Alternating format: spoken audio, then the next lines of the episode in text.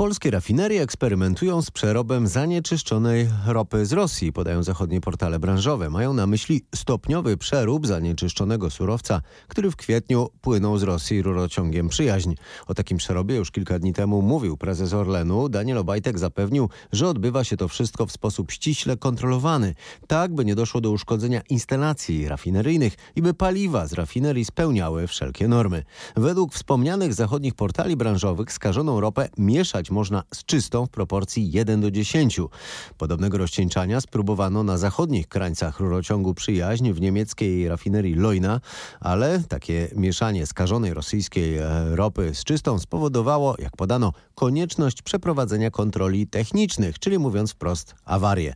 Polska pozbywa się zatem zanieczyszczonego surowca i sprowadza ropę zamiast rurociągiem to przez naftoport w Gdańsku. Miejmy nadzieję, że bez szkody dla rafinerii no i dla silników naszych samochodów. Pozostaje jeszcze uzyskać od Rosji odszkodowania. Dostawcy rosyjscy popełnili e, bardzo duże błędy e, biznesowo-operacyjne i oni muszą za to odpowiedzieć.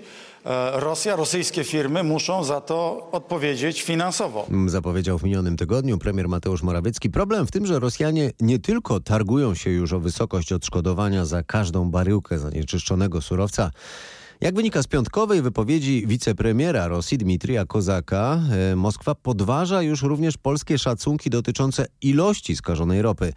E, Dmitrij Kozak twierdzi, że było jej kilka razy mniej niż twierdzi strona polska. Według moich szacunków sporna suma może dotyczyć nawet ponad 100 milionów dolarów. A jak e, zapowiedziała Warszawa, dopóki nie uda się porozumieć w sprawie odszkodowań, Polska nie będzie przyjmować rosyjskiej ropy ropociągiem przyjaźni.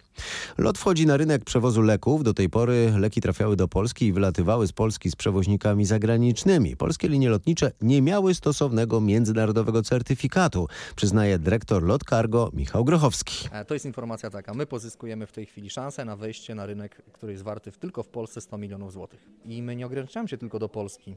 Państwo wystąpili o ten certyfikat. Co teraz się wydarzy? Kiedy ten certyfikat może być już faktycznie przyznany? My jesteśmy w trakcie certyfikacji, jesteśmy już po pierwszych szkoleniach, e, jesteśmy po pierwszych audytach oczywiście. E, w zanadrzu mamy wyłącznie jedno długie szkolenie tygodniowe dla całego naszego personelu oraz naszych partnerów oraz e, kilka asesmentów, czyli audytów, które potwierdzają nasze kompetencje. E, my również nie posiadając certyfikatu już od maja będziemy dokonywać wysyłek e, transportu leków dla tych podmiotów, dla które uznały, że mogą nam zaufać mimo braku jeszcze certyfikacji, a już będą w trakcie. A do tej pory jak było? W jaki sposób te leki były y, przewożone, transportowane? To jest duża zmiana? Byłbym wdzięczny za nakreślenie. Jak jest teraz, do tego maja? E, Teraz e, wszystkie leki z Polski, a Polska naprawdę stoi farmą, są wywożone przez naszą konkurencję. Tak to wygląda. Czyli inne linie, krótko mówiąc. Dokładnie tak. Czyli y, British Airways chociażby? Mm, Jest jednym z naszych największych konkurentów na, tych- na tym rynku. A lot ani jednego pudełka, że tak powiem? O, Oczywiście, że, że tak, ale to jest incydentalnie i to jest bardzo mało. My przede wszystkim mówimy o serwisie, który jest dedykowany dla bardzo wymagających klientów, e, dla producentów szczepionek, dla producentów antybiotyków i a producentów leków. No, nie można nie wspomnieć o insulinie. To jest bardzo coś bardzo ważnego. Zresztą Polska jest y, krajem, który jest jednym z największych producentów insuliny. I nie zapominałbym tutaj również o tym, że mm, nie mówimy wyłącznie o lekach dla ludzi.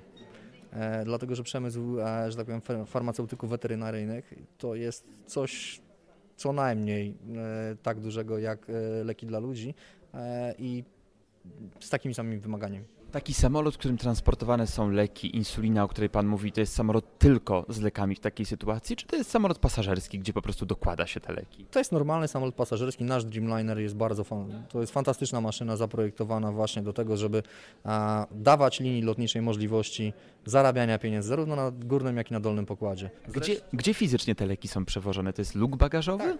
To jest luk bagażowy, czyli dolny pokład. Samolot ma dwa pokłady, tak? Dolny pokład jest przeznaczony dla cargo i dla bagażu. Tam, gdzie bagaże pasażerów, jak rozumiem. My, Dokładnie tak, dokładnie tak. rozumiem, że to są jakieś specjalne lodówki, to są specjalne warunki. Tak, co prawda jest pan, panie redaktorze, z radia, ale na zewnątrz stoją dwa takie kontenery, które specjalnie wystawiliśmy, żeby państwo mogli je zobaczyć. Zresztą e, w naszej strategii chcemy realizować, zresztą już od maja, chcemy realizować transporty w najnowszym, w najnowszym e, modelu, w najnowszej technologii e, przewozów ładunkowych. Kontenery, które stoją na zewnątrz w ogóle zostały wyprodukowane w marcu tego roku i w najnowszej technologii. To nie jest technologia starsza, oparta na bateriach R20 i suchym lodzie, który mm, trzyma temperaturę, a baterie zapewniają e, cyrkulację tego chłodnego powietrza. A my tu mamy e, naprawdę najnowocześniejszą XXI-wieczną technologię. Z dyrektorem LOT Cargo Michałem Grachowskim rozmawiał Michał Dobrowicz. Do końca października LOT ma dostać certyfikat Międzynarodowego Stowarzyszenia Transportu Lotniczego, który umożliwi właśnie przewóz leków. To wszystko w dzisiejszym magazynie. Dziękuję za uwagę.